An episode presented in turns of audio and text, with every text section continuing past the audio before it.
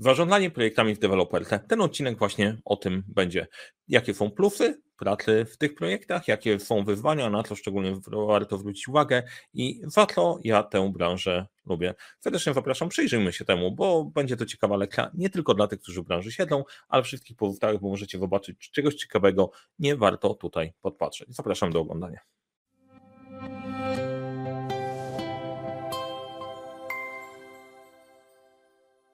Cześć, nazywam się Mariusz Kapufta. Uczę, jak rozpoczynać kończyć sukcesem projekty w świecie, w którym brakuje czasu, brakuje zasobów, za to nie brakuje problemów. Razem z zespołem Leadership Center te problemy rozwiązujemy e, na szerokim spektrum. Od diagnozy procesu projektowego, to jak u Was działa, przez wypracowanie właściwego szkolenia, dostarczenie właściwych narzędzi po to, żeby to pykało. Na tym kanale dzielę się wiedzą z zarządzania, zarządzania projektami, więc jeżeli Cię to interesuje, zasubskrybuj ten kanał. Warto kliknąć gdzieś tam dzwoneczek i powiadomienia, bo YouTube niespecjalnie, e, niespecjalnie przypomina, a to jest spoko. Jak Ci się spodoba to, co, o czym będę mówić, łapka w górę będzie mile widziana i komentarz też. A szczególnie jestem ciekaw komentarzy bohaterów dzisiejszego odcinka, czyli wszystkich uwikłanych w branżę deweloperską. E, Okej, okay. powiem Wam, co pomyślałem od razu, zaraz ktoś mi powie, a czy opłata deweloperka też będzie? Nie wiem, na razie nie planuję, na razie będzie o deweloperce, nawet mam pomysł, mam pomysł z tyłu głowy, żeby zaprosić gościa specjalnego tutaj o deweloperce pogadać i o tym, czy to, co mówiłem, jest prawdziwe, ale jedziemy po kolei. Jak pracujesz w branży, no to warto posłuchać i zweryfikować, czy, e, czy dobrze myślę. Jak jesteś poza, to jedna z ciekawych rzeczy, których ja się dowiedziałem pracując z różnymi, właśnie z różnymi firmami, jest taka, że czasem warto się benchmarkować, porównywać z innymi e, branżami i firmami, jak działają, bo czasem pomiędzy poszczególnymi branżami łatwiej wymienić doświadczenia. IT może z budowlanką mieć więcej wspólnego niż to się wydaje na pierwszy rzut oka, niż IT versus IT w różnych, w różnych firmach. No i teraz tak, zarządzanie projektami w deweloperce, jak to działa. Pokuszę się o to, żeby spojrzeć na to z mojej perspektywy. Powiem Wam, e, co ja myślę, co ja widzę i, e, i jak to wygląda z perspektywy projektowej oczywiście. Pretekstem do tego było szkolenie, które skończyliśmy niedawno w jednej, w jednej z firm właśnie zajmujących się deweloperką i stwierdziłem, że podfumuję, podfumuję to, e, podfumuję to w różnych doświadczeń, w różnych, w różnych latach, akurat był pretekst, więc to zrobimy.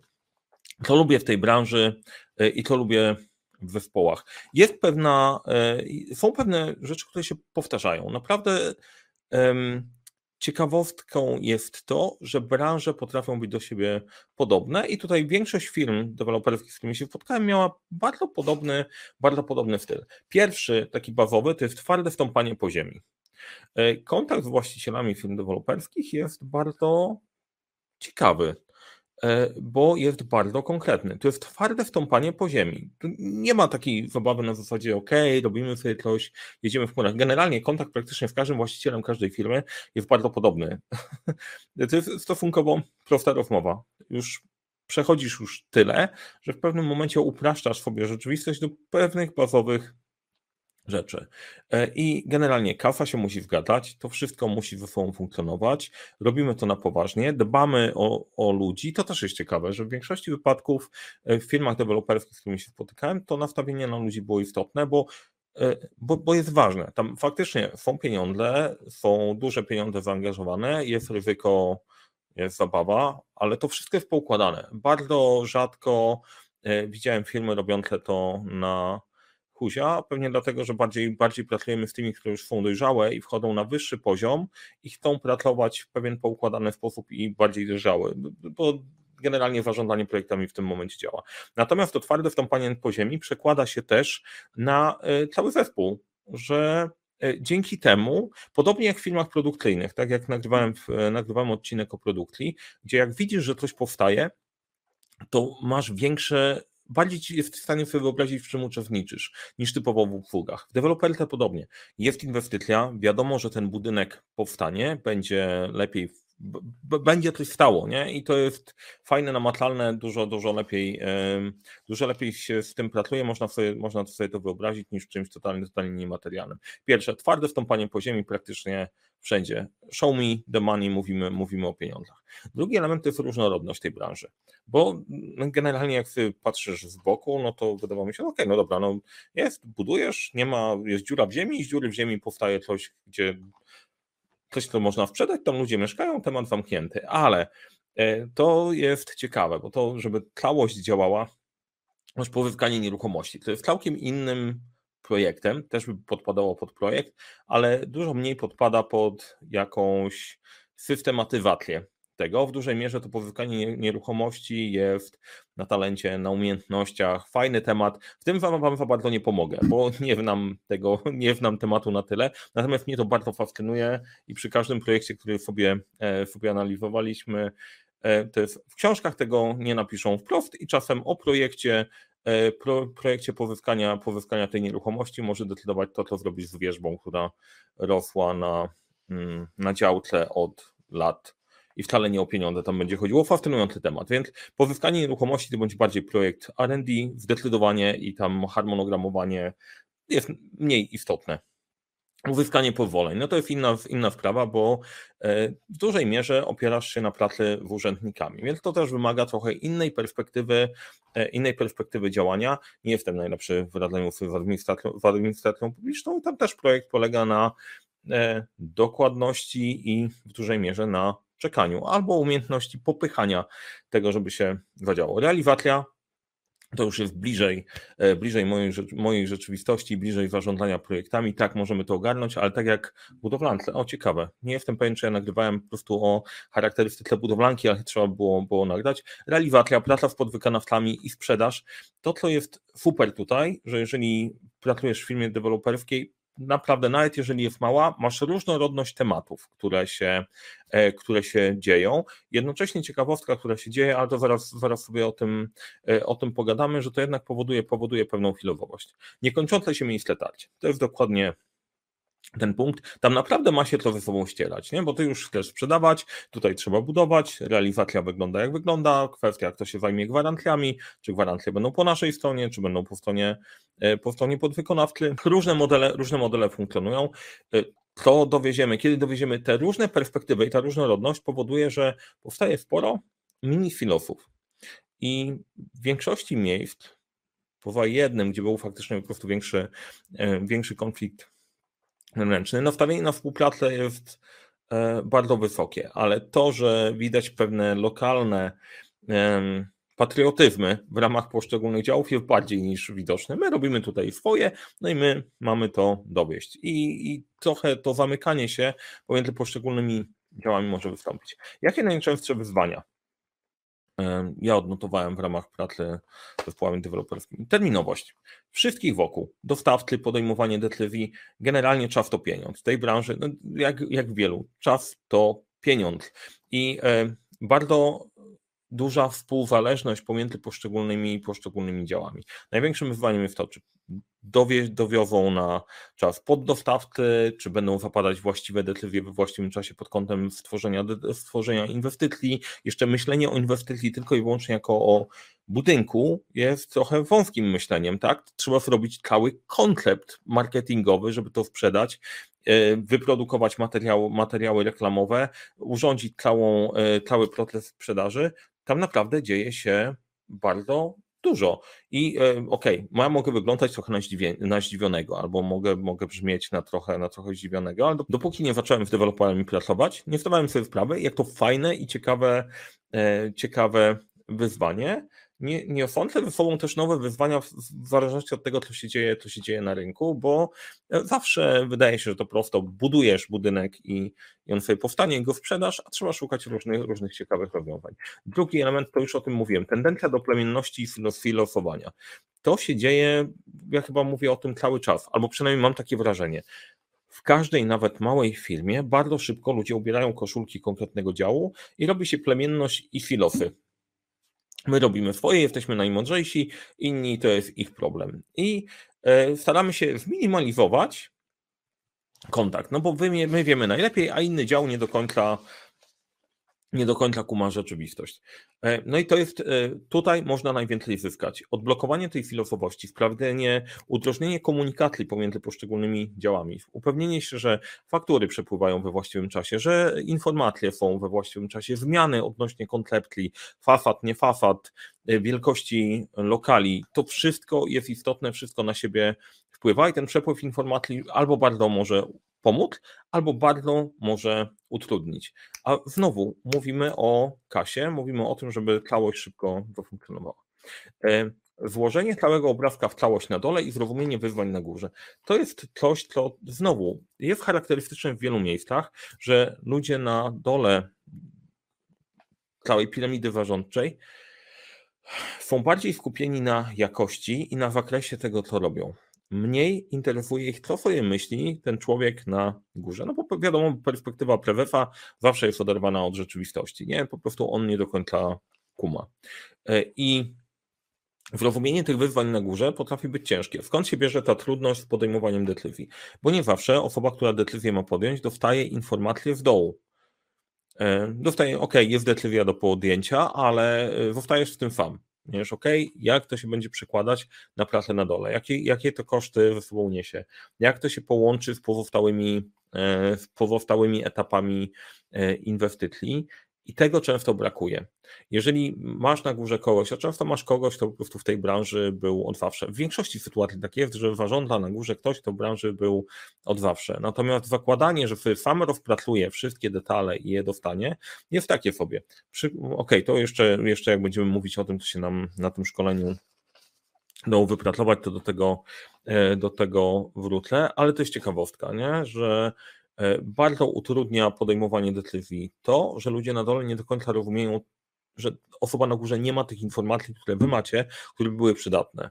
E, a e, z góry też podejmujesz decyzję, patrząc na głównym obrazku, nie widząc, nie zawsze też przekazując, jaka jest twoja wizja, jaka jest intencja dowódcy i dlaczego akurat tak podejmujesz decyzję, a nie inaczej. Więc to, co tutaj można zrobić, to znowu, żeby było praktyczne. Jeżeli chcesz decyzji od góry, to idź od razu z informacjami, jak ta decyzja wpłynie, spytaj, jakie informacje jeszcze są potrzebne, żeby decyzję podjąć szybko i co się stanie, jeżeli ta decyzja nie będzie podjęta do konkretnego dnia. Bardzo to udrożni i pomoże na górze. A jeżeli ty podejmiesz decyzję w góry, w dół, wytłumacz, dlaczego taka decyzja, a nie inna i jakie założenia za tym stały. Dlatego, że jeżeli nawiew założenia twoje i powiesz, jak to wygląda, ludzie w dołu mają szansę ci skorygować i podpowiedzieć ci, gdzie potencjalnie błądzisz, a może się, może się waliać. Więc to włożenie całego obrazka w góry w dół to jest e, nie tylko deweloperski problem, ale szerszy. I tutaj mm, znowu Dlaczego nie wszyscy o tym wiedzą, o wszystkich e, tematach? Bo czasem przygotowanie inwestycji nie zawsze o wszystkim możesz mówić. Nie? Więc ty masz szerszy obraz, który w tym momencie jest absolutnie nieprzejrzysty dla ludzi na dole, więc decyzję e, nie, nie możesz o wszystkim opowiedzieć i tyle. Nie? Więc generalnie to też mówiąc, mówiąc tu, jeżeli prezes nie zawsze wszystko mówi, to może nie wszystko może powiedzieć w tym momencie. Nie wyklucza to tego, że nie kuma w ogóle i nie ogarnia rzeczywistości, ale raczej nie, nie w tej branży. Drugie, plus narady. E, to, co jest ciekawe i bardzo, e, bardzo mnie zaskakuje na plus, coraz częściej, gdy trafiam do wiem, branża deweloperska budowlana, są narady. Te narady się dzieją, czyli statufy, statufy tego, co funkcjonuje, są jako standard. Super, to bardzo cieszy i znowu, o nie jestem zwolennikiem nie wiadomo jak długich spotkań, nie? Spotkania niekoniecznie, nie? Ale sprawdzanie statusów i narady są w porządku i w wielu miejscach to potrafi działać, tylko czasem potrafią być za długie, więc tutaj warto je ustrukturyzować i podejść do nich trochę sprawnie. Gdzie są największe szanse? Gdzie są największe szanse oprócz tych, o których mówiłem? Bo jak zwykle rozpędzam się w trochę, w trochę różne różne miejsca, największe szanse, które wygenerowaliśmy. Postęp, plan, problemy. Spójne i zgrabne, zgrabne spotkania. To jest uniwersalna rada dla wszystkich, którzy chcą utrzymać tempo i upewnić się, że wiesz, co się w projekcie dzieje. Postęp, czyli co zrobiliście, na czym planujecie się skupić, na jakie problemy, tematy napotkaliście. To sprawia, że spotkania są spójne, są zgrabne, są szybkie, nie marnujecie na to czasu, a przepływ informacji jest najlepszy. I to, że warto robić je multidyscyplinarnie, Chyba nie muszę powtarzać, to jest bardzo, bardzo dobry punkt. To była jedna rzecz, która na szkoleniu najbardziej się spodobała. Tutaj mam jeszcze trochę kilka innych, e, innych pochwał, to też się pochwalę, a czemu nie. Drugie, wykorzystanie 12 pytań w PM e, jako schemat pracy na projektach całościowo, a nie w filofach. 12 pytań w PM to jest moja metoda zarządzania projektami, to jest najprostsza metoda zarządzania projektami na świecie. Tak jest. Zaczynasz od 12 pytań i nawet bez długiego szkolenia jesteś w stanie poukładać sobie projekt. Jak masz strukturę, o której zaczynasz i na szkoleniach sobie przechodzimy przez tą całą strukturę, to jesteś w stanie się wyrozumieć pod, pod kątem celu, pod kątem wyzwań, kto musi być zaangażowany, jakie ma kryteria i na koniec zamiast się nawalać, kto jest ważniejszy, kto jest mniej ważny, idziesz w kierunku tego samego, samego celu i to było wskazane przez uczestników. To nie muszę tego specjalnie narzucać, Pewnie tak wychodzi, skoro całe szkolenie wokół 12 pytań, to wszyscy się na koniec przekonują, że to jest naprawdę fajna, fajna metoda, e, bo jest, jest fajna. Czyli wrzucenie sobie schematu pracy takiej, która pokazuje całościowy obraz inwestycji, a nie tylko w poszczególnych ob ob obrazków. Jaka jest korzyść z tego dla osoby, która zarządza? Ludzie lepiej ze sobą pracują, tym mniej musisz spędzać czasu na to, na tym, żeby tłumaczyć, słuchajcie, rozmawiajcie ze sobą. Dopilnowanie ścieżek krytycznych, jak już umiesz w harmonogramowanie, jak już się nauczyliśmy na szkoleniu, jak robić harmonogramowanie i pokazaliśmy koncept ścieżek krytycznych, to ma znaczenie, bo pracujesz mimo wszystko na harmonogramie inwestycji. I nie mówię o samym wykonawstwie, to jest inna sprawa, ale na harmonogramie dowiezienia całości. I tutaj im szybciej sprzedaż, tym szybciej możesz się zająć kolejną inwestycją. Nie? E, I może się okazać, że na ten czas dostarczenia wpływają jakieś małe zadania, o których w ogóle nie wiesz, że są priorytetowe, później, dopóki się nie okażą, nie okażą fuck-upem. Więc umiejętność działania w harmonogramowaniu, jeżeli chodzi o deweloperkę, jak ci zależy na wyniku, a pewnie po prostu zależy na wyniku, bo Czasy zawsze są ciężkie. Dobre, ciężkie, nieciężkie. Kafa zawsze jest, zawsze jest ta sama. Warto robić w harmonogramowanie i warto tam wyznaczać ścieżki krytyczne, wiedzieć, na czym się warto skupić.